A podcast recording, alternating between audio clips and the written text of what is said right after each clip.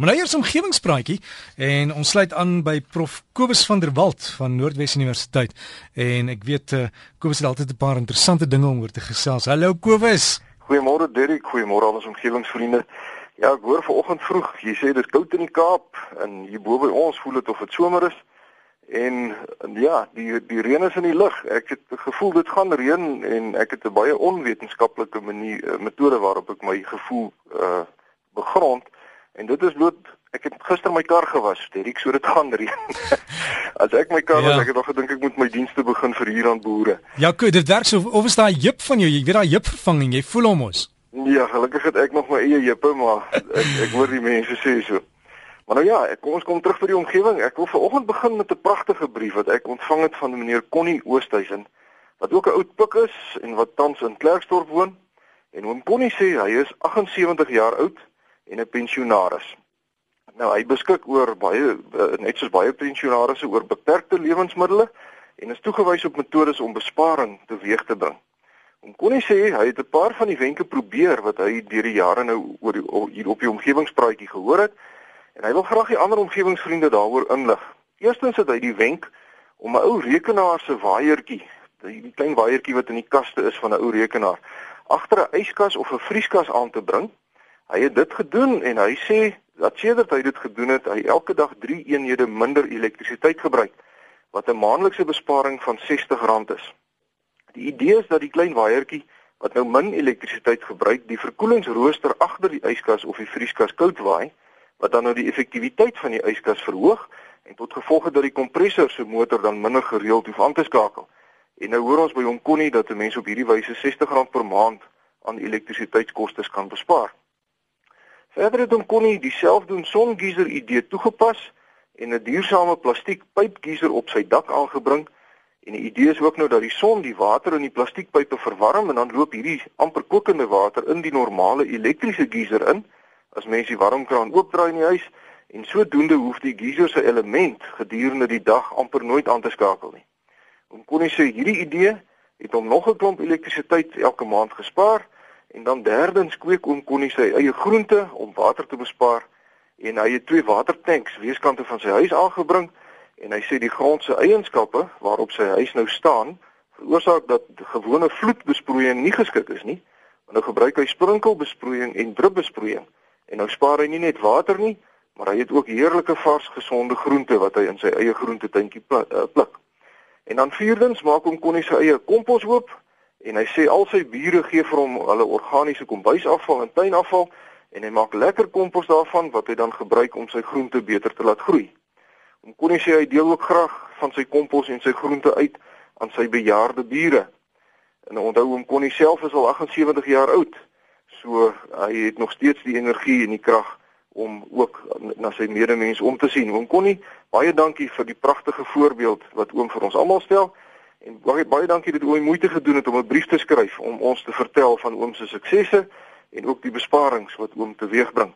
Ek dink 'n hele paar ander omgewingsvriende sal dalk vanoggend na aanleiding van oom se brief self wegspring en 'n paar stappe begin neem om ook meer omgewingsvriendelik te lewe, want omgewingsvriendelikheid is in baie gevalle ook goedkoper, soos ons nou gehoor het by oom Connie. Uh oom Connie het nog 'n vraag gevra oor die samestelling van kompos, maar ek sal eers bietjie my huiswerk moet doen voor ek oom kan antwoord. Ek hoop om mettertyd daarby uit te kom. Omgewingsvriende, oom Connie se vertelling oor sy groentetuin sluit mooi aan by 'n berig wat ek die afgelope week raak gesien het en dit gaan oor 'n wêreld waar jy toenemende opbou van weerstandige organismes teen geneties gemodifiseerde gewasse. Uit die FSA kom daar 'n groei groeiende aantal berigte van peste wat begin floreer in gemodifiseerde mielielande en ook weerstandigheid in Roundup bestandgewasse wat lei tot sogenaamde soos hulle dit nou noem superweeds of dan onkruid wat baie moeilik is om te beheer. Uit Indië word berig dat geneties gemodifiseerde katoen misluk het met die pink bolwurm wat talle Indiese boere op hulle knieë het. Die nuusagentskap Reuters het op 3 September berig dat selfs die toepassing van wisselbou tegnieke in kombinasie met biotehnologiese mielies nie meer effektief is nie en dat die wurms net al hoe meer weerstandig word met die gevolg dat die boere in die sentrale dele van die VSA dit al hoe moeiliker vind om peste te beheer en nou gooi hulle al meer chemikalieë op die lande en dis presies wat die ouens wou voorkom het toe ons begin het met hierdie hele ding. Nou, hierdie saak is waarskynlik ernstiger as wat ons dalk dink, want toe ek die soekwoorde persistent pest resistance in 'n akademiese soek engine ingetik het, soos Google Scholar, wat net akademiese resultate gee, toe kom ek op 19100 wetenskaplike artikels af wat oor hierdie onderwerp handel. So dit lyk my daar word druk navorsing gedoen oor geneties gemodifiseerde organismes en gewasse en dit begin lyk asof daar groeiende probleme daaraan verbonde is. Nou hierdie feite bring my terug by oom Connie Oosthuizen van Klerksdorp se eie groentetuintjie. Want as ons as individue wil help om hierdie bedreiging te bestry, dan is 'n eie groentetuin 'n baie effektiewe manier om dit te doen. U koop die saad self, so u kan sien op die pakkie of daar enigsins met die gene van die saad ingemeng is. En verder is dit oneindig meer omgewingsvriendelik om 'n eie groentetuin te hê as om groente by enige plek te gaan koop. Maar as jy dan moet koop, probeer gerus u plaaslike boere ondersteun by die boeremark, want die vervoer van enige produk het 'n reuse invloed op die omgewing. So hoe korter hy vervoer is, hoe laer die invloed op die omgewing. En as jy nou die boer ken waarvan dan die produkte kom, kan jy seker maak dat daar niks snaaks in die gewasse of in die vleis is wat jy koop nie en baie kere is dit goedkoper ook. Nou as jy dan in groot winkels moet koop, doen gerus die moeite om te kyk dat jy organiese produkte koop. Maar soos met alles in die lewe, moet ons nou ook nie oorboord gaan hiermee nie, want nie alle nie organiese voedselsoorte is geneties gemodifiseer nie en nie alle geneties gemodifiseerde goed is noodwendig sleg vir ons nie. Gewone kommersiële landbou gebruik groot hoeveelhede sintetiese kunsmis en pestdoders en dit maak nie dat daardie gewasse nou slegter is as ander gewasse nie. Ehm um, die boere voed ons so ons moet nou ook nie oorboord gaan met die hele storie nie. Maar as ons kan as u 'n plekkie in die hoek van die tuin het lê gerus u eie groentetuintjie aan want dan het u heerlike vars gesonde groente wat goedkoper is en terselfdertyd sommer goed vir die omgewing ook. En dan omgewingsvriende wil ek afsluit met 'n vraag wat ek ontvang het van meneer Gert Silje van Jeffreys Bay en hy hy, hy sê hy sien dat die installasie van die windturbines daar by Jeffreys Bay nou 'n aanvang geneem het En net so terloops, ek sien goeie nuus, hierdie goed skiet soos paddastoele op reg oor ons land. Die die uh, gebruik van groen energie is besig om baie mooi toe te neem. Maar nou vra meneer Silje, waarom die turbines so verskriklik groot moet wees? En of 'n klomp klein turbinetjies nie dieselfde hoeveelheid elektrisiteit sou kan opwek as een grootte nie? Want die visuele impak van 'n klomp klein turbines op 'n heuwel sal mos nou nie naaste by so groot wees as die reuse goed wat mens vir kilometers ver kan sien nie. En baie dankie meneer Silje vir die navraag en die rede waarom die turbine so groot is, is omdat die krag wat die wind op 'n lem van 'n turbine kan uitoefen, toeneem met die kwadraat van die lengte van die lem. Met ander woorde, as jy die lem die lemme 2 maal langer maak, dan het jy 4 keer die wringkrag. En daarom is dit koste-effektief om die turbine so groot as moontlik te maak. Nou die maksimum lengte van die lemme word slegs beperk deur die sterkte van die materiale waarvan hulle gemaak word En tipiese moderne windturbines het 'n turbine deursnee van so in die orde van 90 meter. Die grootste en die sterkste windgenerator wat tans beskikbaar is, word gemaak in Duitsland en die paal waarop hierdie generator staan is 135 meter hoog. Die rotor se deursnit is 126 meter wat die generator se totale hoogte op 198 meter te staan bring. Dis reuse goed hierdie. Die gewig van die fondament wat nodig is om hierdie hele besigheid regop te hou, Uh in die wind is 2500 ton.